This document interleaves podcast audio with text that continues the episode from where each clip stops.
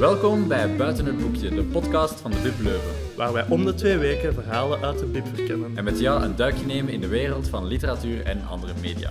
Ik ben Jeremy van der Hagen, student journalistiek en sla de handen in elkaar met... Victor Longin, muzikant en student aan het RIT. Voor onze tweede podcast nodigden we Kim Duchateau uit. De cartoonist van De Morgen en De Standaard en auteur van bekende stripreeks Esther.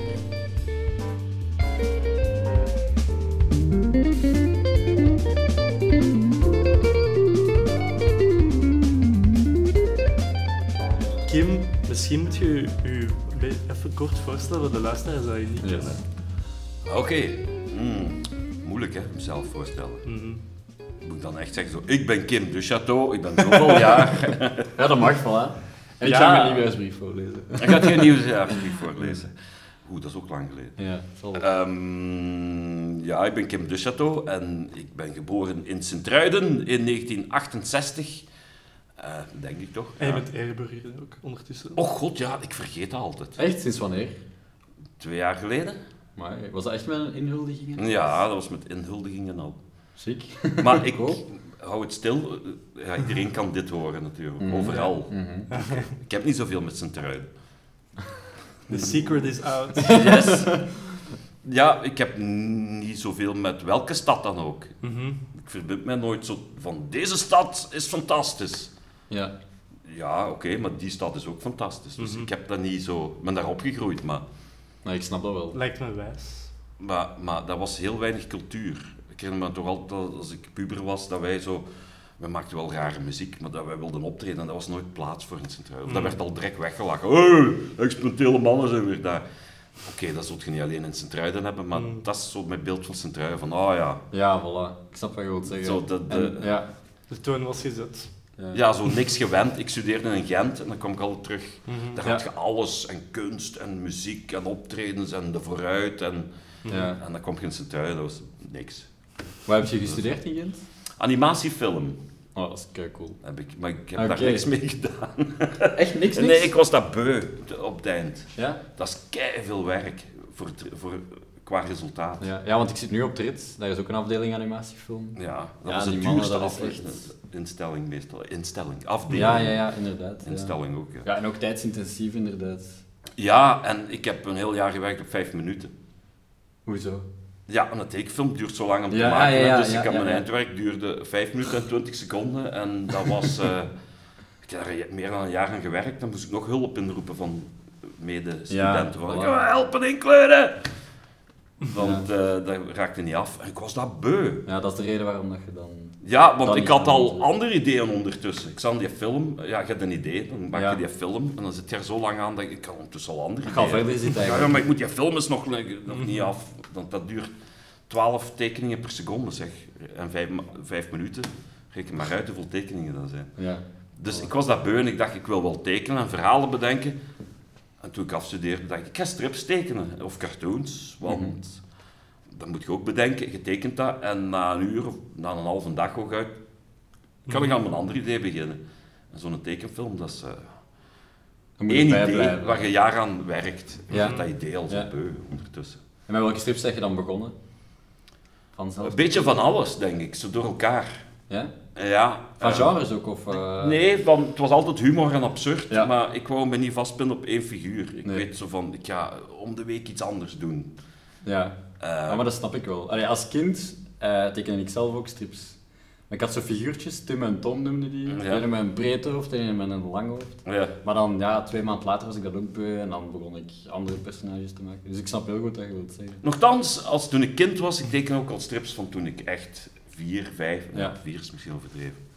Enfin, ik heb toch al zo lang... kon tekenen, Ja, herinner ja, ik me toch dat ik tekende. Ja. En, en toen had ik wel dat reekseffect. Maar ja, je wordt opgegroeid tussen, tussen de familiestrips. Hè. Mhm. In de jaren zeventig was had je Suske en Wiske en Jommeke. Ja. Ja, wat je nu nog hebt. Ja. En Polpel en Pingo. Maar dat waren allemaal reeksen. Dus ik dacht, Ja. ah ja, als je strips tekent met een reeks... Ja. De graphic novel bestond niet, hè. Een Mhm. eenmalig verhaal Ja. over iets. Mhm. Je gaat reeksen. En ik was ook ge- eh, geïntegreerd door het reeksgevoel. Mhm. Ik had een bijvoorbeeld ene jommeke, of twee, als ik klein zet, ja, uw, uw ouders kopen uw strips. En dan had ik nummer 23 en dan ging ik kijken op de achterkant, zag ik al die nummers met al die titels. En dat triggerde enorm. Ja, Zo ja, van, ja. eh, nummer, nummer eh, 13, het Jan Puddingspook, was zo dat. Was, was, dat Ja. je had alleen die titel en, Ja. en uw fantasies, Ja, mijn ja. fantasie sloeg op. Ik Ja, ik ken het eigenlijk Ja, ik vind het ook super. Ik dacht, wat zou nummer 26 zijn? Die, en, en, dan, Dat spreekt Ja. echt tot de verbeelding, inderdaad. en dat had ik ook met Suske en Wiske en, Mhm. en bij Nero. Dus, zo dat re- dus ik dacht, eh, je moet reeksen tekenen. Dus als kind tekende ik reeksen. Ja. Eh, Ja, dat, waren gewoon, dat was getekend op kladblad en dan samen geniet. Hè. En mij exact hetzelfde. Weet je En- nog iets van de personages of zo? Ja, dat vroeg mij ook. Ja, Tikkie en Tokkie waren de eerste. En die, de eerste album ehm ontmoette die een buitenaards ras. En Oh, die noemde de Flikkers. dus mijn eerste album is Tikkie en Tokkie en de Flikkers. Maar ik wist niet dat dat, dat Mhm. het scheldwoord is voor, voor Aha. homo. Ja. Dus eh, ik heb daarna, toen ik twintig was en dat las, en ter- terug de- die strip Ja, ja. terugvond, ah, de flikkers, we lagen allemaal dubbel. Tikkie en Tokkie, de man, toen had nog niet zoveel fantasie precies. Dat was ook een stripfiguur, de man. Eh, dat, ik vind dat heel herkenbaar. Ik had eh, echt nog maar een aantal jaar geleden eigenlijk zo het idee, de 30-jarige man. En dan was ik zo de meest stereotype, de man. de meest stereotype 30-jarige Vlaamse man. En die wou ik dan alles zo laten meemaken. Ja. Uit zijn perspectief. Ik heb dat nooit uitgewerkt eigenlijk, maar toen me daaraan denken. Ja, Lucky was ook een st- een stripfiguur. Mijn ouders hebben die nog allemaal bijgehouden, dus eh, ik zie ze af en toe nog. En Dat is cool. dat was echt lang, dat, ik deed veel in die reeks. Hè. Ik zat dan Ja. nummer 40, 50 geraakt en ik... Wauw. Oké, dat waren soms strips maar van 10 Ja, dat is echt pagina's wel of zo. dan. Ja, maar toch? Ja, een autist, hè. Heet dat nu. Ja. Van, dat moet... eh. het was zo erg dat ik met mijn ouders naar zee ging en dat ik het wel na een uur had aan het strand. mijn ouders lagen dan gewoon te zonnen en, en mijn zus ook. En jij moest strip tekenen. Ja, ik ging even de zee en ik ging even in de duinen wandelen en dacht ik, oké, dat is goed, nu wil ik gaan, verder gaan doen, want ik, ik was aan een strip bezig. En dan uh, mijn ouders van, uh, mag ik terug naar het appartement? Maar jongen manneke, het is zo scho- schoon weer, waar gaat jij nu op dat donkere appartement zitten? Ik zeg, ja, ik ga hem de strip afmaken. Ik wou dus alleen maar die strip afmaken. Ja. En dan een- na je opleiding van animatiefilm, dan zeg je begonnen met een aantal Ik personages. ben twee keer gaan solliciteren in animatiefilmbedrijven, omdat ik dacht, ja, ja, ik heb dat gestudeerd, dat moet ik ook gaan doen. Mhm. Maar wat moest je dan doen? Dan, dan kwam je ergens, begon onderaan de ladder en dan moest je decors tekenen van een animatiefilm die gemaakt werd in Frankrijk en waarvan de decors werden uitbesteed Ja. in Antwerpen ergens. En, en dat was realistisch en ik vond dat niet, en dat was mijn stijl niet. Ik weet al meer welke serie dat was, hè. Ivanhoe of zoiets, zoiets historisch. En, Ja. en ik Mm, weet ja. dat ik dan, dat was ook heel slecht betaald. Ja, sculptuur is altijd slecht betaald.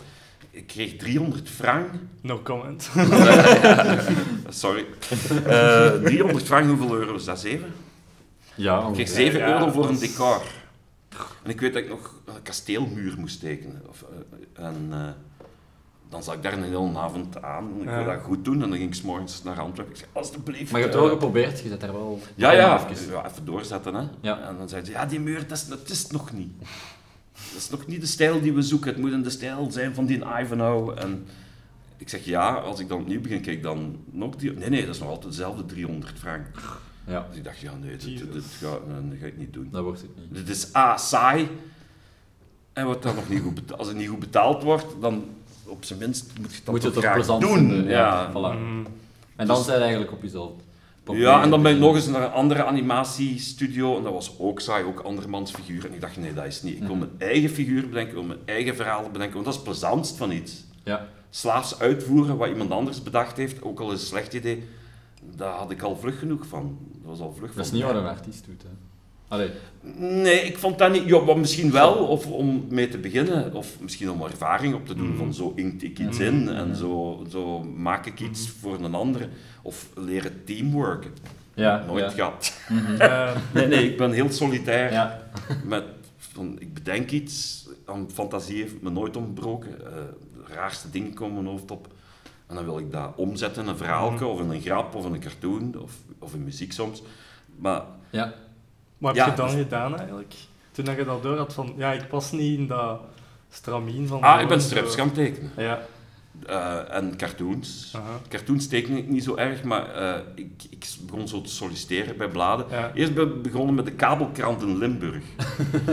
voordat je zo de TVL had en ROB, Ja. was dat in Limburg Telekrant. En dat was eigenlijk gewoon pancartes van het nieuws in de streek.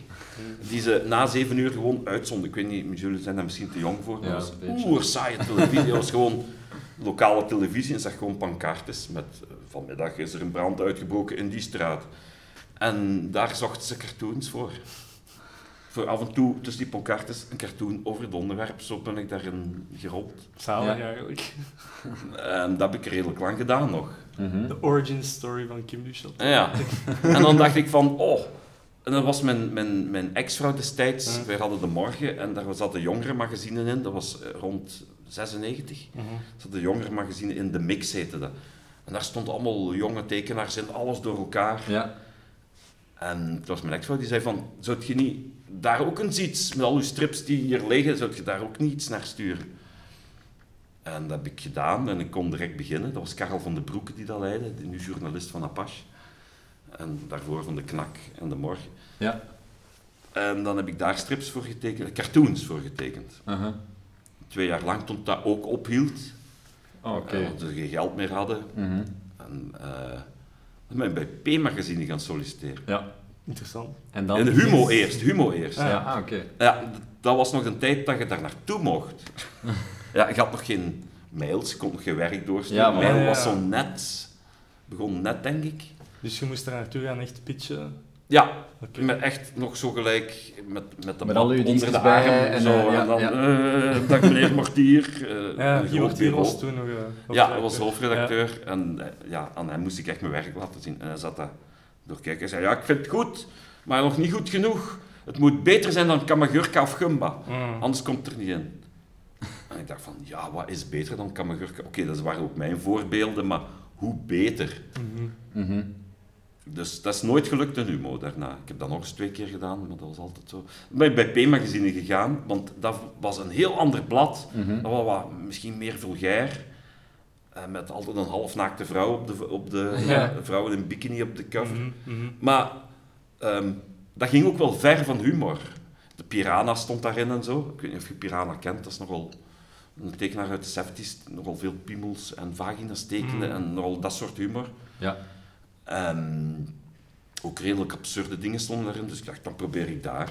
Was Alain Grootaerts, die toen de hoofdredacteur was, broer van Walter Grootaerts. En die zei, ja, ja, we leggen het in de bovenste schuif, uw tekeningen. En na drie maanden belde die, ja, we hebben hier een artikel over seks. En ja, daar passen geen foto's bij, want we moeten daarbij plaatsen. Dus Ja. eh, zeven cartoons over seks, dat was de vuurdoop zo. Ja. En dan heb ik echt twintig jaar voor P-magazine getekend. Zalig. En ondertussen voor de morgen, voor, belde de morgen, wilt je dagelijks een cartoon Mhm. tekenen voor ons? En zo staat En zo is het begonnen eigenlijk, echt, Ja. ja. De morgen, dat was rond 2000. Dat was exact in 2000. Mhm. En rond 2000, september, is ook Esther Verkest begonnen Mhm. in Ja, eh, de P-magazine, want ik tekende daar vier jaar cartoons voor. dat is in P-magazine begonnen, Esther. Ja, Ja. Ik tekende daar eerst cartoons voor, bij artikels. Ja, met dat personage. Nee, nee, Ah, nee, gewoon losse gewoon cartoons. losse, ja. En toen zei Alain Grootaerts, fantastisch, je bent goed bezig, je bent vier jaar hier bezig, je krijgt een heel pagina achteraan. Mhm. En dat was, wow, wow, ik krijg een heel pagina. En wat mag ik daarop doen? Wat je wilt. Ik zei, ik wil een strip maken. Serieus? Ik zeg, ja, ik ben een striptekenaar eigenlijk. Ik voel mij meer een striptekenaar dan een cartoonist. Ja, maar je hebt altijd cartoons getekend. Ik zeg, ja, maar op die pagina wil ik een strip. Oké, maar je hebt vier dagen om iets te bedenken. ik zeg, vier dagen. Ik zeg, ik wil elke week iets anders doen. Gelijk Jeroen deed in de Humo. Die Mhm. deed zo Ja. elke keer iets anders, toen hij pas begon. Hè Ja. Mhm. deed zo eh Josse de Biele Ei, Reetman. eh, en dat wisselde zich zo af. Die deed dat zo drie weken Reetman. En Mhm. als hij een ander idee had en een ander opzet, deed hij dat.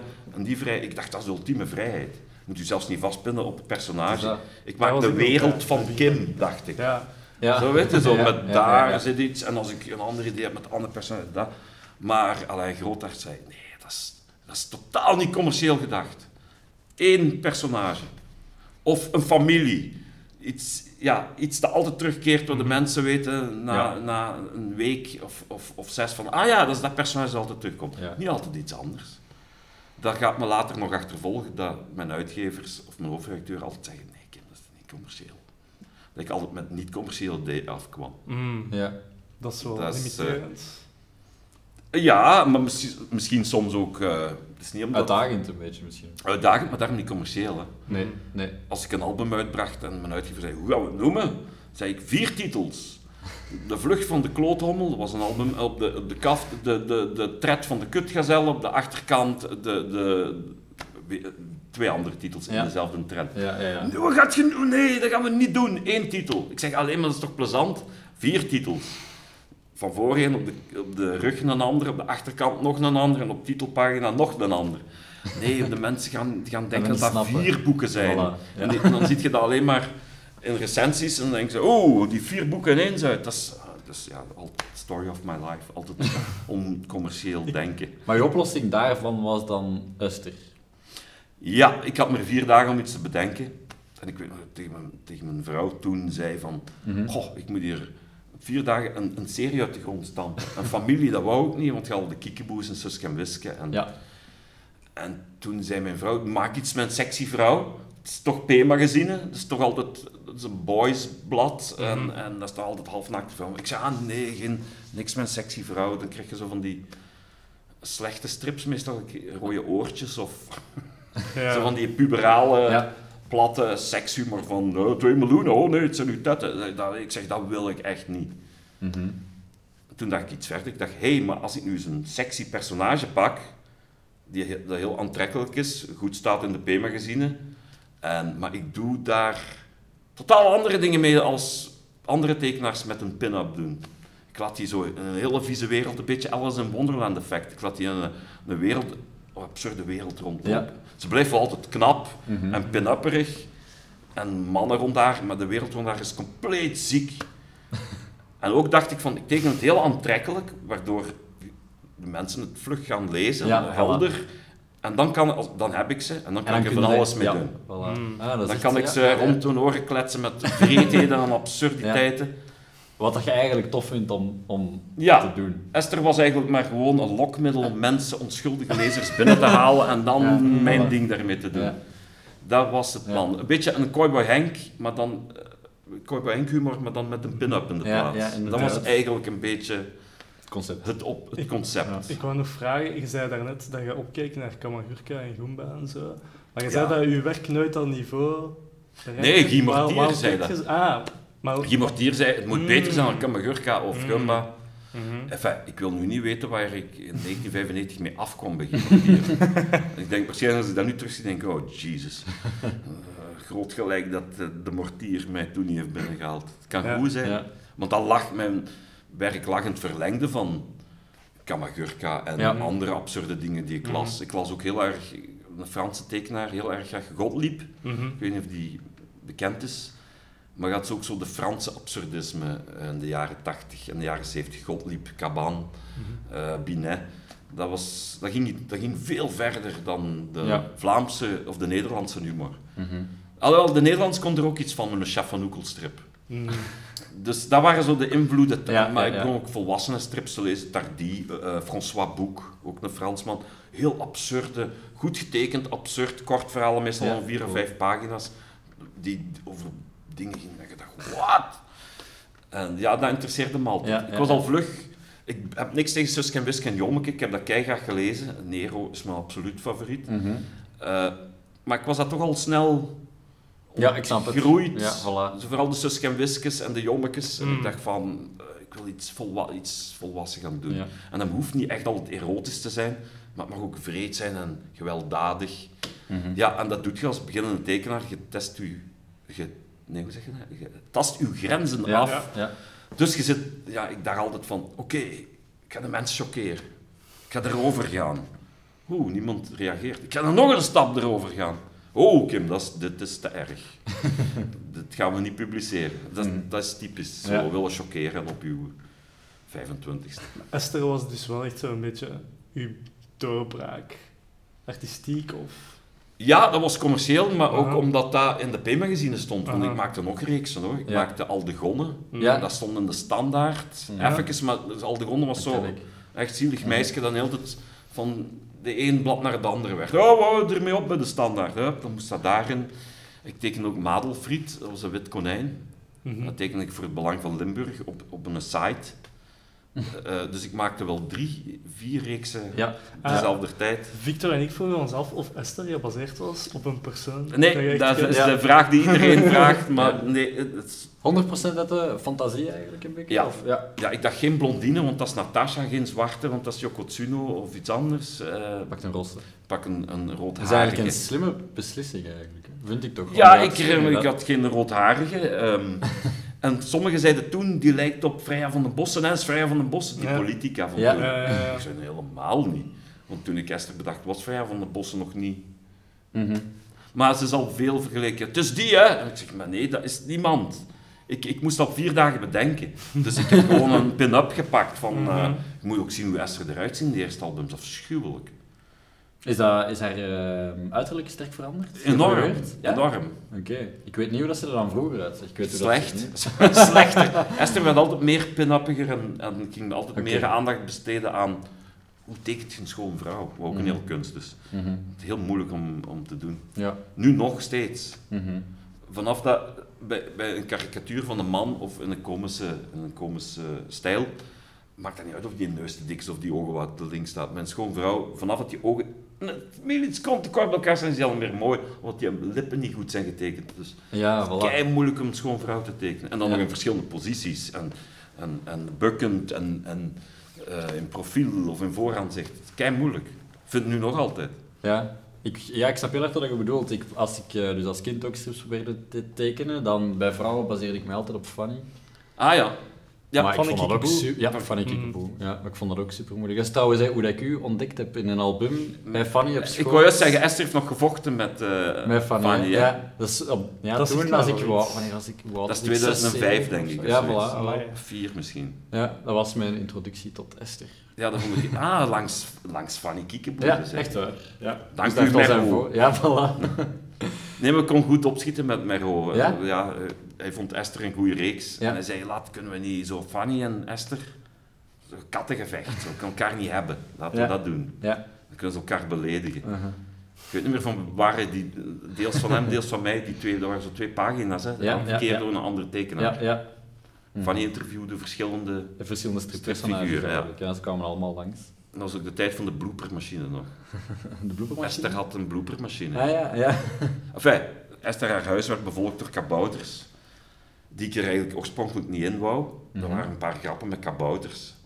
En tot, en totdat ik dacht van, oké, genoeg, iets anders. Dat de redactie van Pim gezien. Waar zijn de kabouters? ik zeg, ja, het gaat om Esther. Die kabouters waren maar even erin. Nee, die kabouters moeten terugkomen. Dus tussen wil en dank moest ik die kabouters er nog even in houden. maar ja, eh, Dirk Jan, die strip, die Nederlandse strip, Ja. die, die, Ja, daar ja. zaten ook al kabouters in. Dus ik dacht, ja, ik ga dat maar even doen. Ja. En een van die kabouters vond een bloopermachine uit. En blijkbaar vonden vele mensen de vondst van dat jaar. En dat is een machine die een kabouter had gebouwd. En daarmee, de enige functie van de machine is dat gewoon alles misloopt als je hem aanzet. Bloopers, hè, gelijk op Ja. het einde Ja. van... eh, toen naar Frankrijk werd vertaald, daar snapte daar niks van. C'est c'est quoi ça, la bloopermachine? Ik zei, ja, bloopers. Tu connais pas? eh, bloopers, zo, na de film. Die kennen de dat foute woord niet, opnames. Ja, ik dacht, het is het woord dat ze niet kennen. Die kennen wel foute opnames. Na... Nee, uh, een machine à gaffe. Een flatermachine. Ah. Ik zeg, ja. Nee, c'est- huh? C'est- c'est- dat van die... C'est de l'humour flamand, hè, ça. Surrealistiek. hè. Dus dat, Ja, dat- nee, ja, dat ging voilà. er niet in. Dat was te raar. Want dat, we hadden ook geen functie. Dat was gewoon, alles loopt mis. Ja. En dan kon, je, kon ik spelen met de kaders in elkaar vielen. Of, of, of... Ja, dat is toch die tof. veranderen Dat vind ik altijd heel leuk als dat gebeurt in strips. Zo- Ja, maar ja, dan had ik gewoon nog geen grap. Hè. Dan moest je er nog Ja, iets mee voilà. doen. Als de fourth ja. wall gebroken wordt. Ja, Ja. Super. Ja, ik vind meta. Ja, met dan humor inderdaad. En ook gewoon als, als stripfiguren zo met elkaar is dingen. Allee, zo bijvoorbeeld bij Fanny op schoot, ik vind dat heel tof. Oh ja, dat wordt te weinig gedaan, ja. Nee, dat ja, vind ik ook wel. Ik vond ik altijd fijn Ja. samenwerking. Maar bijvoorbeeld hier in de Bub hebben we dit gevonden. Ja, een je album ja, van Nero. een enorme fan was van Nero. Ja. Ja. Eigen Nero-album Dat gemaakt. is Ja. eigenlijk Nero en Co. Dat is nog redelijk recent, hè? dat is twee jaar geleden. Ja, 2017 of zo. Ehm, dus Nero en Co door Kim, De Zeven Vloeken. Je hebt dus eigenlijk een Nero-album getekend. Ja, ik ben daar enorm trots op nog steeds, Ja. dat ik dat Ja. mocht doen. Want ik was eh, een Nero-fan, hè, ook al van vroeger. Want Nero, ja, dat waren de ene... Als je. Je had Suske en Wiske, die Jommeke, Nero, Robert en Bertrand, Bessie. Eh Kiekeboe, daar was ik al te oud voor, toen was ik al punk. Mhm. Sorry. Ja, toen was ik 14 of 15. Toen kon ik net afscheid te nemen. Ja. Dus als mensen zeggen, eh, Kiekeboe nooit, ja, ik was daar gewoon te oud voor al. Mhm. Ik zat toen al onder de chef van Oekels en de Tardies. En, ehm, maar Nero vond ik naast Suske en Wiske en Jommeke, die ik ook goed vond, hè, die hadden heel goede verhaal. Of heel absurd. Of heel, maar Nero, dat spande de kroon. Dat was totaal geschift. Dat was de Marx Brothers in een strip. Dat, dat liep vol rare figuren. Die, die, die, die, die verhalen waren totaal wakko. Die, die, eh, de, de titels alleen al. Het knalgele koffertje, de wortelschieters. Als ik de, die titels zag, dacht ik van, wauw, waar gaat dat over? Ik wou gewoon die albums gewoon... De daverende pitteleer. De totentrekkers. Ik dacht van, ik moet weten waar dat over gaat. Mhm. Die ene titel triggerde al mij enorm om te lezen Ja. wa- waar het over ging. En, eh, Hoe is dat tot stand gekomen? Hebben ze je daarvoor gevraagd? ze hebben mij gewoon gebeld van de standaarduitgeverij, Toon Horsten. Die zei, Kim, ik heb hier een voorstel. Ik denk wel dat je, ik pijs wel dat je blij gaat zijn. Ja, Ik zeg, ja. de sprong gaat in de ja, je, mag, je mag, wilt jij een Nero tekenen? Ik zeg, wat blieft? Ik zeg, en wie gaat dat bedenken dan? Ja, jij ook, hè. Ik zeg, ik! Ik zeg, moet ik alles doen? Ja, ja, je moet het tekenen, bedenken en in kleur. Top, hè? Enfin, je mocht Allee. hulp zoeken, maar je mocht dan al... Ik zeg, ja, maar... En Dirk Stallaert dan? Dirk Stallaert was degene die na Marx Leen Die voorteken. ja. Ja. voortdeed. Ja, ja, maar dit is een soort van... Hommage. ode- al- homagealbum. Misschien gaan we daar nog mee verder. Eh, maar, maar we weten dat jij dat gaat kunnen, want jij bent toch een, een grote Nero-fan? Ik zeg, ja. Enorm. In die zin is, als je ergens heel fan van bent en je hebt dat geademd bijna... Was Is het het- dan niet moeilijk eigenlijk? Nee, ik, ja, ik had daar aanvankelijk Ja. erg schrik voor. Ja. Ik dacht van, eh, dat is zo'n kans die je krijgt. En als die kans mislukt, of, of, of je maakt er iets slecht van, is het gedaan. Hè? Dan gaat dat altijd zo Blijven plakken. blijven Ja. plakken aan u. Ja, ik mocht ooit Ja. een Nero maken en dat is compleet Kan van die serieuze kant slecht afgelopen.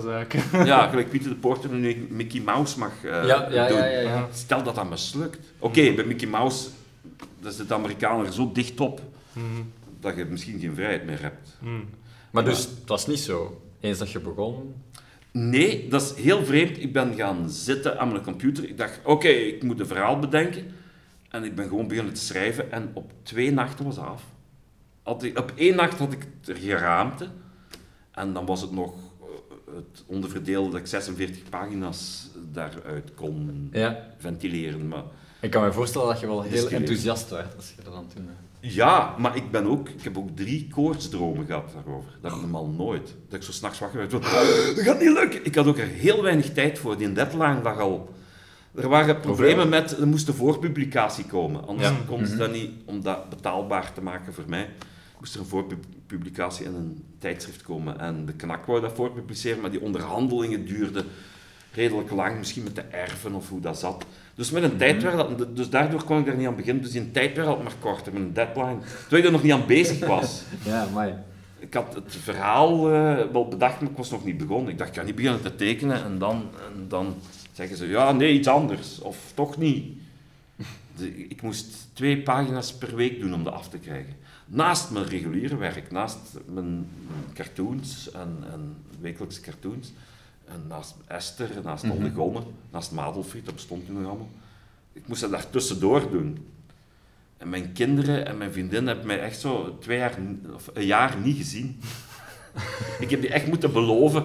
Na die Nero we gaan met jullie op vakantie. We gaan naar de Efteling. We gaan dat, want Ja. mijn zoon kwam op binnen. Papa, wat gaan we vandaag doen? Oh ja, je moet naar Nero werken. Dus ik had Ja, echt ja, geen... Dat was echt... Mhm. Belangrijk werk wel. Ja, en ik had dan twee coaches. eh, Erik Meijnen, de tekenaar, Ja. een grote Nero-kenner. En Noël Slangen, de ex-woordvoerder van Guy Verhofstadt. Eh, ook een grote strip van, en een grote Ah, ja. Nero-kenner. Wel, Dan moest ik tekenen, vijf pagina's, om de vijf pa- pagina's naar hen doorzenden. Is het goed? Ja. En, en die hielden zo wat in de gaten van, heeft het vaart? Is het, Mhm. nog, is het Marx Leenachtig? Ja. mhm. Doet Nero geen dingen die niet Nero-achtig zijn? Ja, Maar dat was dus geen probleem, omdat ik Nero zoveel heb gelezen. Ja. Ik ken het door en door eigenlijk. Ja, moest. Nero, als hij moest reageren op een situatie die ik had bedacht, dacht ik, ah ja, eh, Nero reageert zo op die situatie. Ik, dat lag al vast, omdat ik dat zo goed kende. Of Ja. wat dan Pijp zegt altijd dit, of zal zo reageren. Dus dat, wat dat betreft waren dat bijna figuren alsof ik ze zelf Ja, bedacht ja, zou ja. hebben. Mhm. Omdat ik ze zo goed ken. En ja, dat was fantastisch. Daarna, en dat ook veel succes en heel veel goede recensies gehad. Want je hebt natuurlijk de mensen, als je daarmee begint, die dan meteen afbreken voordat je een Daaraan begonnen pen op eigenlijk. papier hebt gezet. Hè. Oh, de Duchateau gaat dat doen. Oh, dat, oei, oei, oei. De slee gaat zich in zijn graf omdraaien. Hè. Oei, die gaat daar een seksverhaal van maken. Hè. Die, gaat daar, die gaat daar veel te ruw maken en te, te, te gortig. Maar natuurlijk niet. Ik heb, dat, ik heb dat gedaan met alle respect voor. Ik heb daar geen seks in gestoken, eh, geen al te morbide dingen. Zijn er trouwens onderwerpen dat je als cartoonist vermijdt? Vroeg ik mij ook af. Als we het toch over respect bezig Nee, eigenlijk wil ik alle onderwerpen Ja. doen. Maar het is vaak de timing die, die Aha. belangrijk is. Oké. Ja, er zijn dingen die je, als er pas een kind is overreden, je Ja, ja, ja. geen grap over maken. Hè, want dat, is niet, dat is niet funny. Gewoon. Mhm. Ik bedoel, dat gaat nooit iemand, zelfs al is het een goede grap, niemand gaat daarmee lachen. En toen ik vroeger wou chockeren, dacht ik, ja, hopla, oh, ik ga hier iemand eh, tekenen die overreden is. En dan werd ik op matje geroepen, dus je leert daar wel van, ah ja, dat is niet, mensen vinden dat niet grappig. Mhm. Maar toch, mensen worden tegenwoordig heel snel kwaad hè, voor alles, dus dat trek ik me niet aan. Ja. Als ik iets wil zeggen of ik denk, het is er misschien net over, doe ik het toch. Maar zo regelrecht chockeren, zo van Mhm. ik ga nu eens iets doen over dit, of over pedofilie, of Mhm. over eh, Mhm. eh, oude mensen die in een broek pissen. Nee, dat, dan moet er ook iets belangrijk achter zitten dat je het daarom doet. Maar ik ga niet zomaar meer... Chockeren om te chockeren. Nee, want dat is veel, dan moet het al... Je mag chockeren, hè, maar dan moet je grap zodanig goed zijn dat het in, in verhouding staat met het chockeren. Mhm. Dat moet ook een heel goede grap zijn, vind ik. Ik vind, als het goede humor is, dan mag veel. Maar het is dus ook timing. Als iets ernstigs is gebeurd, kun je niet een dag daarmee lachen. Soms moet je even daar een maand over Ja. laten gaan en denken, oké, nu kunnen we daar een beetje mee lachen. Mhm. Of kunnen we daar iets uithalen uit, die, uit dat drama en daarmee lachen. Maar eh, nee, dat is heel erg hoor. Mhm. Hoe mensen soms reageren. Ik zie vaak Ja, helemaal geen kwaad in een grap. We leven in the age of I'm offended, hè. Enorm. En ik kan daar niet tegen. Hè. Mhm. Trekt je dat, ja, trekt je je dat hard aan of, of zet je van... Nee, ik trek me dat niet aan. Ik kan me dat wel soms kwaad om maken, om de stomzinnigheid van mensen. Ik denk, oh, je hebt ze niet gesnapt. En Ja. je zit er tegen je zit erover kwaad aan het worden. En je bent mij nog 15 keer harder aan het beledigen. Maar je hebt de grap niet eens gesnapt. Want wat jij nu beweert, dat bedoel ik totaal niet. De mensen kunnen blijkbaar geen... eh, Nuanceren. nu, niet meer nuanceren. Als ik bijvoorbeeld, een, een ras, ik zeg nu maar een voorbeeld, een racistisch persoon teken die zegt, I hate niggers, Dan gaan ze dat op dan gaan ze denken dat ik dat, dat, ik dat ze vind. Of dat je een platform biedt aan. Ja, dat- ik denk, ja. nee, ik breng een personage. Ik Mhm. bedoel, als ik een film maak en ik laat, dat is een racistisch personage, Voilà, ja. dan zeggen ze Mhm. toch ook niet tegen de regisseur, "Wat, een racist. Nee, ik, beeld, ik, ik laat een racist zien. Mhm. In mijn verhaal speelt een racist mee. Mhm. Want dat is, ik wil daar iets mee zeggen. Ja, Dat er zo mensen zijn. En dat is helemaal weg. Ja, cartoonisten hebben daar denk ik wel... Het, allee, die hebben daar denk ik het eerst, eh, het eerst gemerkt. Dat dat zo... eh, Ja, ja, want wij mogen met alles lachen en nu Ja. ineens mogen we met niks meer Ja. lachen. En ik kan daar niet tegen. Er is ook een heel vreemde maatschappelijke verschuiving plaatsgevonden, waar ik eigenlijk wel een beetje door gefascineerd ben. Maar die ik ook eigenlijk wel erg vind.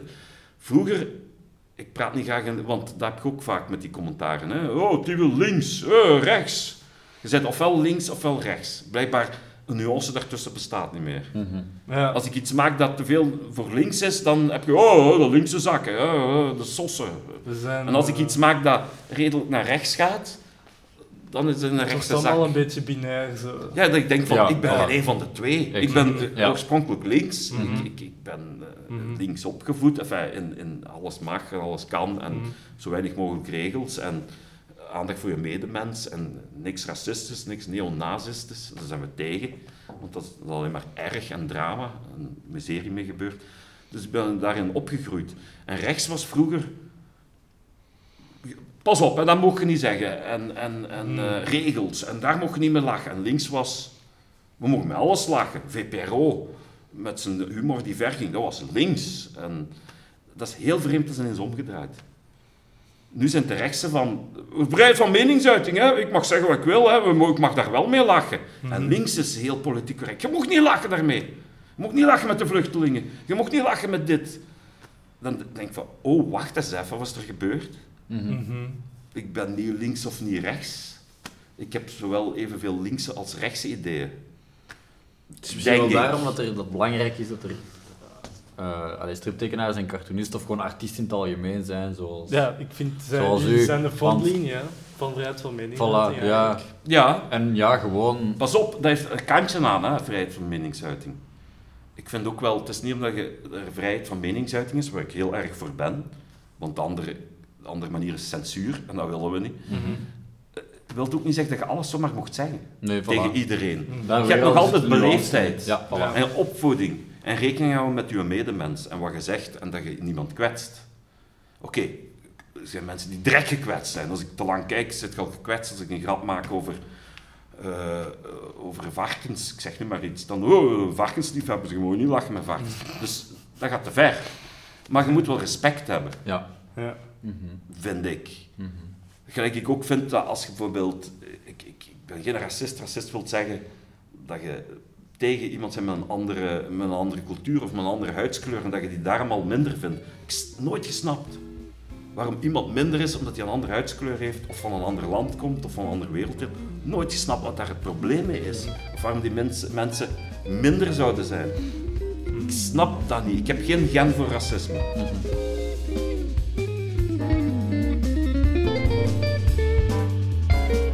Yes, echt een tof gesprek met Kim. Ja, en echt ook veel bijgeleerd over zijn cartoons. Hè. Bedankt, Kim Duchateau. In dit volgende deel van Buiten het Boekje gaan we telkens op zoek naar een willekeurige bezoeker met een interessant verhaal. Ja, dat kan trouwens echt om het even wie zijn. Het is dus telkens een verrassing, ook voor ons. Spannend, hè?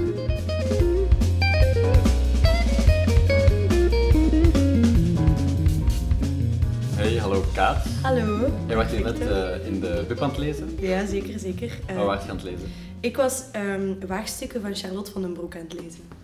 Oké, is dat Eh, een schrijfster die je al kent of zo? Nee, absoluut niet. Ehm, ik heb haar eigenlijk leren kennen omdat ik eh, op Instagram Silver Hanneman volg. En dat is een, ehm, eigenlijk een poëte, maar ze heeft nu ook haar debuut... ja, ja. Roman? ja, haar debuutroman ehm, uitgegeven over laatst. En zij had haar boek op haar verhaal gezet. En daarmee was ik eens aan het kijken van, ah, het ziet er interessant uit.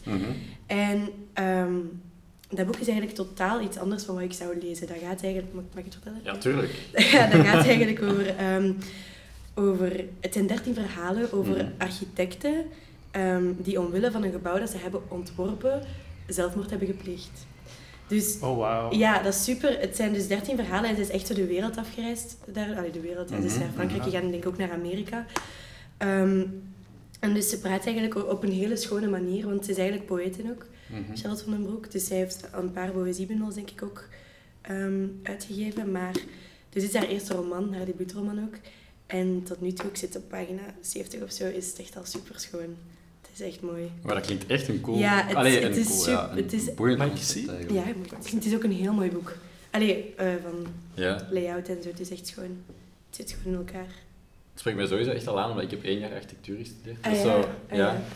Ja, het is... En ook hoe dat zij zo die link legt tussen dat gebouw en die ehm architect de hele De tijd. persoon En ze, ze vertelt ook super, haar eigen ehm, ervaring met dat gebouw, of, Ja. of met die stad waarin het gebouw ligt. Ze vertelt dat allemaal en dat is echt super tof.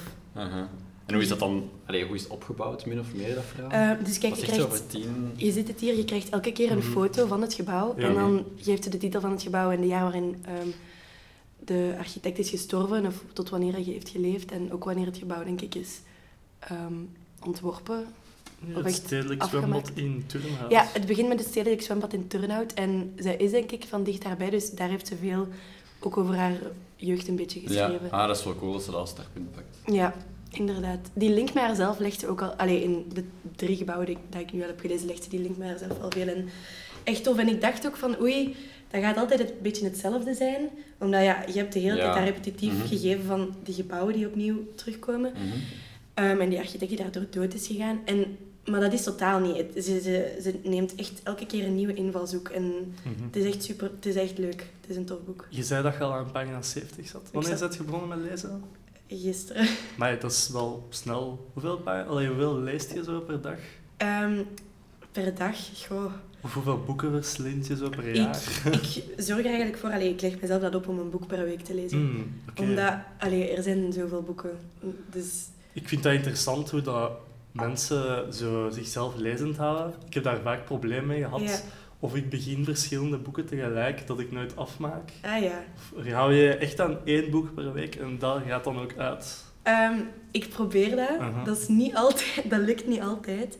Eh, maar ik probeer dat echt wel te doen, omdat ja, ik wil er gewoon ik wil er zoveel mogelijk hebben gelezen tegen Mhm. dat ik, ik weet niet, op een punt kom in mijn leven dat ik zeg van oei, ja, nu heb ik er geen zin meer in. Mm. Dus ik wil er gewoon, ik wil er zoveel mogelijk hebben gelezen, ik wil zoveel mogelijk achtergrond hebben. Mhm. En ehm, ik probeer dat dan ook meestal echt te doen. Nu, als ik dan een boek in de boekhandel zie liggen of in de bib, en dat ik dan denk van, oei, ja, dat ziet er nu mega tof uit, ik wil Ja. dat ook lezen. Dan kan dat wel zijn dat ik in twee boeken tegelijk begin. Mhm. En dan duurt dat wel wat langer om ze allebei uit te krijgen, omdat ik de hele tijd ben aan het switchen. Dan ben ik zo... En switch je dan echt de hele tijd? Ja, ik switch de hele tijd aan. Maar dat hangt Ja. er ook vanaf, want ik combineer ook wel graag bijvoorbeeld poëzie met een roman. Mhm, mhm. Dus dat kan ik wel door elkaar Mhm. lezen, ook omdat dat anders is. Maar ja, ik probeer altijd één boek per week te lezen. En heb je dan een vast uur op de dag dat je leest? Is dat ritueel Nee. of is dat gewoon eners van nee? Dat is overal tussendoor. Dat is een gevoel, ja, dat, dat kan opkomen. En Ah, ja. dat, dat, dat is echt een ontspanning voor mij. En ook gewoon de nood daaraan Mhm. heb ik, dat voel ik superveel. Dus dan doe ik dat gewoon. Dat vind ik echt super tof. Dat is, ja, dat Wie zijn eigenlijk uw, uw favoriete schrijvers of schrijfsters? Mhm. Ehm, Dimitri Verhulst Nee, Mhm. vind ik ook een hele goeie. ehm, lees ik heel graag. Wat is je favoriete boek van eh Verhulst? De zomer hou je ook niet tegen. Oh. Dat is een heel klein boekje dat hij denk ik heeft geschreven voor Boekenweek eens een keer. Maar dat is zo schoon. Dat is zo'n schoon boek, dat is echt niet normaal. Ehm, dat is maar 90 pagina's, denk ik. En omdat het zo weinig is, lees je dat gewoon de hele Ja. tijd opnieuw En waarom vind je dat zo schoon? Maar dat is gewoon zo'n... dat is een zo'n vreemd gegeven waarmee dat hij begint. Een 60-jarige man ontvoert zijn zoon uit een instelling, omdat hij helemaal disabled is, dus die kan niks doen. Dat is een plantje. Allee, geen plantje, maar dat is gewoon zo'n... Ja. ja, die, die, die kan niet functioneren Ja. als een gewoon persoon. Persoon met een mentaal achterstand. Ja, hij heeft een hele Ja. grote mentale achterstand. En die ontvoert die zoon, die kidnapt die mee naar, ehm, uit, uit die instelling naar een hoge berg in Frankrijk, waar hij altijd naartoe ging. Ontkurkt wijn en champagne, geeft die zoon wijn. En als verjaardagscadeau, want dat is voor zijn 16e verjaardag dat hij hem ontvoert, geeft hij die zijn levensgeschiedenis. En dan ontrafelt er zich eigenlijk zo'n hele ehm, liefdesgeschiedenis van hem en een, en een vrouw. En dat is echt... Dat is zo, dat is zo scherp verteld. ja. Zo, Want op zo'n korte tijd ook zo. Allee, Ja. op zoveel weinig pagina's. Inderdaad, maar dat is zo scherp en zo... Je krijgt Ja. alles wat je nodig hebt. En het is niet te Mhm. veel, het is niet te weinig ook niet. En hij doet dat zo... Hij trekt ook eh, het feit dat die zoon zo... Allee, zo compleet mentaal ach- een achterstand heeft, die trekt dat zo ook in het belachelijke. Dat is echt... Dat Mhm. begin, die maakt dat echt... Die lacht daarmee. En dat vind ik... Dat dat ook wel eens een keer mag. Ja, Allee, dat is, ik snap wat je bedoelt. Ja. ja, Ja. hoe dat hij dat vertelt, is gewoon niet hoe dat je verwacht dat iemand het zou vertellen. En dat is super tof. Heb je ook eh Godverdomse dagen op een Godverdomse bol gelezen van hem? Nee, dat heb ik nog niet gelezen. Dat, is- dat doet mij, allee, hoe dat je het zo beschrijft, zijn schrijfstijl, doet me daar een beetje aan denken. Dat is een beetje ja, zijn versie van de wereldgeschiedenis, Ah. maar ook op een heel eh, Ook van ironische, ja, satirische toon. Ja. Ook heel scherp beschreven. Heb je zijn nieuwe boek gelezen, De Pruimenpluk? Nee, Ah. nog niet. Jawel? Ja, maar dat vond ik op zich, omdat ik dat boek had gelezen, ik had dat in de zomer gelezen. Ehm, de zomer hou je ook niet tegen. En ik vond zo dat... Ik weet het niet, omdat ik dat zo goed vond, vond ik dat precies wat minder. Dus ik was zo, ah, zo jammer. Maar ook op zich nog wel een tof boek. Ja. Nog wel een tof boek. Ja. Eh, en dan een andere van mijn favoriete schrijfsters is... ehm eens nadenken. Ja, Connie Palme, natuurlijk. Mhm. Dus het is echt gewoon... Het is fantastisch. Dat is echt... Maar nee, ze is echt gewoon fantastisch. Zij is zo wijs en zo... Ze is zo'n sterk vrouwfiguur Mhm. in, in heel die schrijverswereld. Er staat daar een man zo goed. Daar staat daar een Ja. man zo goed. Ja, Dat is echt... Ja. Ze, ze, ze- ik heb haar ook een keer ontmoet. Echt waar? De beste dag van mijn leven. In de Zondvloed in Mechelen. Ehm, zij was toen boeken aan het signeren, denk ik. En die heeft een presentatie over haar laatste boek. Jij zegt het. Dat is zo een, ehm, een boek... Allee, ik denk dat dat boek tot de autobiofictie wordt toegerekend. Mhm. zo, dat gaat over Sylvia Plath, die dichteres, en Ted Hughes, ook die dichter. Mhm. Over hun relatie. En zij vult dat dan in met haar eigen... Ja, haar eigen insteek zo een beetje. En dat is wel super, een super schoon boek ook. Heel mooi, heel mooi geschreven. Ah, dat is denk ik volgens mij een van de weinige auteurs waarvan ik echt bijna alle boeken heb gelezen. Ik heb echt bijna alle boeken van haar gelezen. En hoeveel zijn dat er? Veel, nee, niet zo. Alhoewel, ze heeft veel essays ook geschreven. En heb je die ook gelezen? Ja. Echte fan dus. Ja. Die heb ik ook gelezen, dus ja. Ehm, ja, zij, is ook, zij was ook veel bevriend met zo van die bekende schrijvers zoals Herman de Koning en zo. Mhm, Mm. mhm. Dat is mijn favoriete dichter ook. Oh, ik hou van hem. Ja. Misschien een moeilijke vraag, maar wat is je favorite book of all time? All misschien, time. de, misschien, misschien makkelijker het eerste boek dat echt zo'n zes uur in je leeservaring heeft veroorzaakt. Ah, wel, ik zou zeggen... Ach, dat is echt moeilijk, want er zijn zoveel boeken. Ehm, Denk maar na. Vanwege een tere huid van Koolhaas. Dat, dat vond ik een super... Ik heb dat op de middelbare school moeten lezen. Dat is een heel mooi boek. Ik heb dat al heel lang niet meer gelezen. Maar ik heb overlaatst ben ik nog eens naar de bib gegaan en ik wou dat terug gaan uitlenen. Omdat dat, dat was... Oh, dat is zo'n goed boek. Dat is, dat, dat gaf, dat, ik heb dat gelezen toen ik heel jong was. Mhm. En ik denk dat als ik dat nu zou lezen, dat dat zoveel meer Ja, voilà. Je gaat bij mij zou maken. losmaken. Ja. Maar ik vond dat toen al zo mooi. Of, ja, ik ken die- het boek niet, waar, waar gaat Nee. het eigenlijk over? Waar gaat dat over? Ah, ja. ja. Ja. Dus, ah, wel, ik herinner me er niet veel meer van, maar ik weet gewoon dat dat, dat echt zo dat ik iets had toen. Pff. maar dat gaat over een, een meisje en een jongen en ze hebben een soort van relatie, maar zij zijn denk ik wel kinderen ook. Ze zijn Mhm. nog redelijk jong. En hij maakt de hele tijd een vergelijking met twee dieren en dat zijn hoednas. Geen idee wat dat is. Dat doet mij denken aan hyena's, maar dat zijn zo van die beesten. En hij maakt de hele tijd zo een vreemde vergelijking daarmee. En hij, hij spreekt, het is zo'n heel zo surrealistisch boek, maar wel heel vet. Echt een vet boek. Dus dat wil ik heel graag eens opnieuw lezen. Maar ook, een ander boek nog, ehm, De Vliegeraar. Ja. Van, wat is zijn naam? Khaled Hosseini. Khaled. Hosseini, ja. Ja. Ook omdat dat, dat is... Dat heeft bij veel mensen wel Dat blik- dat dat is ook een boek dat je vroeg in je leven meestal leest, omdat Ja. dat zo'n opdracht op school is. Ja. Typische leesopdracht. Ook een, dat, is, dat heb ik deze zomer eigenlijk pas gelezen zelfs. Ja, vol. En dat vond ik echt prachtig ook. En een van de weinige boeken, want ik lees niet graag vertalingen. En ik vond die vertaling heel goed. En dat is bij mij moeilijk, want ehm, ik heb nu overlaatst een boek van Paolo Cognetti gelezen. Eh, Sophia draagt altijd zwart. En die vertaling, dat trok echt op niks. Mm. En bij hem, bij, bij Khaled Hosseini, die vertaling daarvan was echt, die was echt heel goed. Ik vond dat echt super mooi. Mhm. Dat is ook belangrijk bij mij. In, in welke taal lees je allemaal? Ik lees eigenlijk voornamelijk Nederlandse boeken. Mhm. Allee, Nederlandstalige boeken, omdat... Ik lees ook wel Engels, bijvoorbeeld zo... Maar dan moeten het echt wel boeken zijn die zo... Allee, echt zo bijvoorbeeld... ehm, Mrs. Dalloway van Virginia Woolf. Dat moet je in het Engels lezen. Dat Ja. kun je niet in het Nederlands lezen. Of ehm, The Color Pur- Purple. dat heb ja. ik ook eens eh, Mhm. ehm, gelezen over laatst. En dat is, ook, dat is echt een boek dat je gewoon in het Engels moet lezen. Omdat je ook dat dialect hebt Mhm. van die ehm Ja. Afro-Amerikaanse Als je dat vertaalt, dan verliest je Ja, je dat de verliest de essentie van dat boek gaat Mhm. compleet verloren. En dat, bij Khaled Hosseini vond ik dat niet. Ik vond dat dat nog steeds zo schoon zijn verhaal vertelde. Dus dat was super. Mhm. Ja, ik heb het ook enkel in het Nederlands gelezen, dus ik vond dat ook wel goed. Ja. Ja, ja. Het zou nog wel moeilijk zijn om dat in het, ik weet niet, Arabisch te lezen of zo. Ja. Als je daar niet in thuis bent. En, welk, en eh, mag je het ook van, van dichtboekjes en zo? ja. Heb je daar een favoriete? Her- Herman de Koning. Ja. Dat is echt... Ja... Ik weet niet wat dat die man is. Dat is echt mijn grote voorbeeld. Dat is... Hoe dat hij schrijft, hoe dat hij dingen kan verwoorden, vind ik echt... Ik vind dat gek. Omdat hij gewoon zo... Hij raakt het zo... Hij raakt u zo hard met, met zijn woorden. En hij doet dat zo goed. Ah, dat is echt... Dat is echt... Schrijf je u- zelf ook dan? Ja, ik ging net ja. vragen, wacht u soms ook aan poëzie? Ja, ik schrijf zelf ook wel, ja. Ehm, Oeh. dat is een van mijn dromen. Deelt je Dat ergens?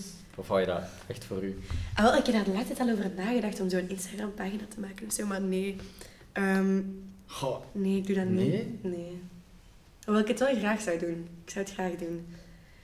Ehm, maar ja, Ik zou zeggen, probeer dat dan. Ja, probeer het dan. Dat is Zijn er makkelijk soms hè? mensen Ja, die eh, het privilege krijgen om een voordracht te krijgen van u? Ja, sommige mensen. Met name mijn huisgenoot Helga. Shout-out to Helga. Shout-out to Helga, ehm, die altijd naar mijn Oh. melancholische, poëtisch gestructureerde tekstjes luistert. Ja, Helga doet het. Die blijft er altijd zijn. Dus zij is zo, ze zegt ook altijd van, ah, dat vind ik goed, dat vind ik niet goed. Zij is zo, ja. Maar het is wel tof dat ze dan eerlijk is. Dat ze dan, als je iets niet goed vindt, dat ze het ook zegt tegen u. Ja, dat heeft ze nog wel niet veel gedaan. Ik denk ook niet dat ze dat durft.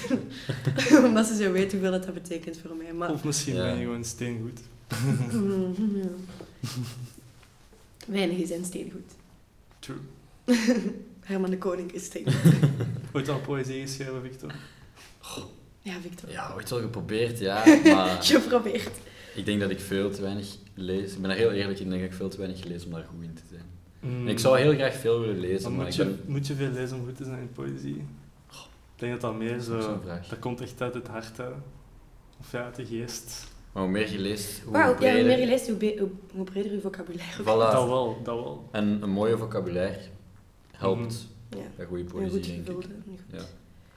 Dat helpt inderdaad heel veel, want het is makkelijker om met je woorden te raken natuurlijk als je, als je Mhm. veel woorden kent. Mhm, Dat is waar. Ja, ik moet zelf zeggen, ik heb enkel nog maar poëzie geschreven als dat ooit eh, een opdracht was op school of zo Mhm. vroeger. Dat is niet echt mijn, mijn ding eigenlijk. Maar ik schrijf wel graag. Schrijf je ook zo verhalen of zo, artikelen? Mm, meestal schrijf ik zo van die, ja, van die losse folders. Zeg ik beste dat ik dan... Nee, artikels of zo, nee. Brain farts. nee. Allee, ja, ik schrijf gewoon vooral over, over ja, wat ik voel, denk ik. Maar dat doet Ja. iedereen als je schrijft. Mhm, En over... Ja, nee, echt. Dat komt altijd gewoon recht uit mij. mhm. En dat moet eruit. Dat is iets dat erin zit en dat eruit moet. En het liefst doe ik dat dan met behulp van een paar mooie woorden. Dan dat ik het gewoon zo los zou neerschrijven van... "Ah, ik voel mij zo en zo, omdat... eh, zo stomme wereld, nee, nee, nee." Dan doe ik dat liever op een eerder poëtische manier dan dat zo. Ja. Ik denk dat als ik later ooit zou schrijven, dat ik, dat ik meteen zou teruggrijpen naar de liefde ook gewoon. Dat is iets heel belangrijk voor mij. En- Allesomvattend eigenlijk. ja, allesomvattend. En ja, dat is mooi gezegd, inderdaad. Eh, maar zo voor ja, boeken die, die daar niet over gaan, heb ik altijd meer moeite mee om te lezen. Ik, ik lees zo graag over liefde. Dat is misschien een beetje banaal of misschien zo wat stom, maar Ja. dat is zo schoon. Ja. Romantische kat. Tijdloos. Ja, mijn leerkracht in het vierde middelbaar zei altijd, je hebt romantische zielen in het leven en dat zijn de meest melancholische mensen die je ooit zou tegen kunnen. En dan vergeleek hij dat zo altijd met het lijden van de jonge Werther en die auteur daarvan, ik Ja. weet zijn naam niet meer. En ik, was altijd zo, ik voelde mij zo aangesproken altijd. Ik zei, oh god. Oh, ja, wel het schmerz, inderdaad. Eh, maar ja, het is dat. Mhm. Hoewel ik nu dat ben aan het lezen en dat vind ik ook heel goed. Mhm. Ga je soms ook naar boekenbeurzen en zo? Ja, altijd. Hm, dat is er, denk ik, volgende week. ja, ik ga. Ik heb mijn Alright. tickets al. dat is een jaarlijkse eh, uitstap die ik doe met mijn moeder, omdat zij ook graag Oh, dat is tof. Ja. Ja, dus dat doen we altijd Mhm. samen. Um, ja, In Antwerpen. Mhm. Ook Mhm. leuk. De geur van die boeken. Ja. De vibe die je daar hebt. Je zit er met allemaal mensen die graag lezen en mensen die zo, ach, leuk. Mhm. Hoe groot is je collectie al ondertussen? Ça va. Niet zo super... Ja, groot voor een 18-jarige? Allee, nee. Klein voor een 18-jarige ook nee. Mhm. Ja, hoe kun je dat uiteindelijk beoordelen, mijn collectie? Mhm. Ja, Het is- het is dat. want ik ga constant naar de biep ook. Voilà. Ik heb geen geld voor boeken, mannen. ik heb dat met de cultuurchecks van mijn vader gekocht. dus echt geld daaraan uitgeven kan ik amper, omdat Mhm. ik ben een kotstudent. hè. Het is dat. Allee, Kaat, super merci. Ik vond het kei boeiend om je te horen Dat is Zo echt gepassioneerd. Ja. Ja. En veel plezier op de boekenbeurs. Dank u. Ik ga mij kapot amuseren daar. Dat zal Dat is echt...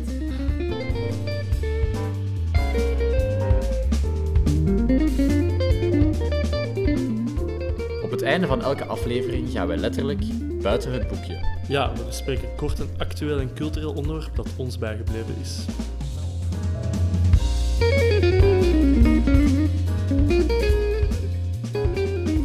Vorige week waren we allebei op Facts, de geek-conventie van België. Maar ik was er op zaterdag en jij op zondag. Hoe was het voor jou, Victor? Ah, ik heb mij daar echt super hard geamuseerd. Ik vind het altijd heel tof dat daar zoveel mensen samenkomen die ja, echt in die geek culture zitten, die heel hard fan zijn van films of van games en zo. En daar kunnen die dat zo allemaal samen uiten. Dat vind ik echt heel tof. En ook zeker dat veel mensen daar verkleed naartoe gaan in hun favoriete personages en zo. Ja, Zo ik- zalig om te zien. Ik heb gezien op Instagram dat uw vriendin Mona en jij eh, verkleed waren als eh, Sharon Tate en Cliff Booth van Once Upon a Cliff Time in. Hollywood. Ja, Cliff Ja. Booth, de nieuwe film van Quentin Tarantino. Hè. Hoe Ja. zijn jullie daarop gekomen? Ja, ehm, Goh, we zijn die film gaan kijken in de zomer en dat viel mij direct op dat mijn vriendin gewoon super hard op dat personage leek. Opschepper. Ja, sorry, ja. nee, maar dus... ehm, en vorige keer gingen wij ook in cosplay, dus dat was zo een logische stap van, oké, je lijkt er keihard op. Mhm. Dat is misschien iets origineel, Mhm. dus eh, we gaan dat doen. En eh, wat was jullie vorige cosplay? Ehm, Ralph, van Wreck-It Ralph en Vanilla. Ah, oké, ook cool. ik ben dit jaar voor de eerste keer eh, met mijn vriendin gegaan. Ja. Die is nog nooit naar Facts geweest. Mhm. Ja, ze vond het echt een max. En we Ja? gaan volgende keer ook in cosplay gaan. Ah, top. En heb je al inspiratie voor...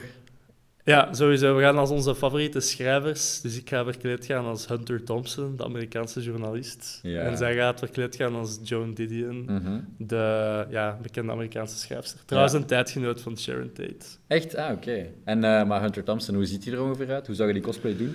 Ehm, ja, die heeft een heel eh, ja, bekende outfit eigenlijk. Die droeg altijd Ah, oké. Hawaiian shirts en zo'n geel getinte bril. Mhm. Dan ook zo'n soort hoedje dat opa's vaak dragen hier in België. Ja. Eh, en dan ja, een sigaret in de mond. Dat wordt een fake sigaret, ik rook niet. en dan cool, een, cool. een korte broek en sandalen. Waarschijnlijk een typewriter Mhm. eh, onder de arm. En dan ga ik daar zo een beetje rondlopen. Ja. Hopelijk herkennen mij, mensen mij, ik denk het wel. Het is wel een bekende figuur. Maar ik kijk er echt naar uit om dat te zien. zeg. Vraag mij af, hoe heb je die kleren gevonden? Want je zag er echt exact uit. Hij zag er dus echt exact uit als Cliff Booth, hè, mensen. Hij had de... Was het een gele shirt? Ja, een geel Hawaii oranje shirt ook, hè. dan een jeansbroek en dan Mhm. ook de t-shirt en Ja. de bril. Hoe heb je dat allemaal gevonden? Ehm, dus ik zal van kop tot teen gaan eigenlijk. Ik heb keihard krullenhaar en hij heeft zoals, zo'n golvend haar. Ja. Dus s ochtends mijn haar gesteld. Denk ik voor de eerste keer ooit. Dat begon dan direct weer te golven. vriendin Dus dat heeft was u goed. geholpen, Ja, hè? inderdaad, tuurlijk. Heb je niet verbrand? Eh, nee, nee, nee. nee, nee. Nee, professioneel. eh. Ehm, die zonnebril had ik al, zo'n aviator zonnebril. Mhm, mhm. Eh, die t-shirt is zelf gemaakt. Een witte t-shirt gekocht. Ehm, gewoon in de Primark, zo goedkoop mogelijk. Mhm. En dan eh, heeft mijn vriendin dat logo daarop gestreken. Mhm, Oké. cool. Ehm, dat shirt hebben we de dag op voorhand gevonden in een Mhm. tweedehandswinkel in Brussel. Mhm. Super moeilijk om te zoeken, want dat is een zomerse, zomerse kledij. Ja, ja, en nu is ja. het echt allemaal vol winterkleren. Dan moet je echt naar een thrift store. Ja, inderdaad. Die jeansbroek had ik al, denk ik. Eh, de schoenen had ik ook al, dat leek er wel op. Zo gewoon zo bruine schoenen met een kleine hak. Ja. En dan heb ik zo, die draagt ook een horloge, Mhm. maar echt een groot horloge. Dat heb ik niet. Ik had nog een oud Kipling horloge dat ik gekregen heb voor mijn kleine communie, denk ik. Zalig. Dus dat heb ik aangedaan, waardoor het er echt nog op leek. En ja. zij zag er echt als twee Exact, hè? druppels Ja. water uit. Als Sharon Tate, wauw. Mijn vriendin zag dat op Instagram en die zei, wauw, dat is echt gewoon Sharon Tate. Cool, hè? Heeft zij veel problemen gehad met de outfit bij in te stellen? Ja, op zich wel nog. Die zwarte Ja. van die outfit en zo. Ja, en ook zo hoge... Ja, dat hebben we geleend botten, van mensen. Ja, ja. hoge witte botten. Ja. Cool. Dat is fact, hè? Ja, voilà, perfect. Oké, maar Jeremy, wat deed jij eigenlijk op fact? Ehm, ik was er dit jaar vooral om eh, te gaan kijken naar zo de nieuwe games die allemaal uitkomen. Mhm. En eh, ja, ik heb ook wel shopping gedaan. Dus ik ga daar toch altijd rond op zoek naar coole t-shirts, posters. Ja. Ik, ben, ik, ik speel ook graag Magic the Gathering. Heb Mhm. je dat? Ja. De kaartenspel. Daar eh, wordt ook wel veel verkocht. Zo ook gadgets en zo. Voilà. Daar, daar was ik daar een beetje aan het trophy hunten. Ja, ja fact is de ideale plaats daarvoor. Hè? Echt wel. Ga je volgende keer opnieuw gaan? Sure, zeker. Same. In cosplay. Ja, Voilà. dan krijg je ook korting trouwens op het ticket als je in cosplay gaat. Yes, yes, 2 euro korting. Allemaal in cosplay. Toch wel de moeite.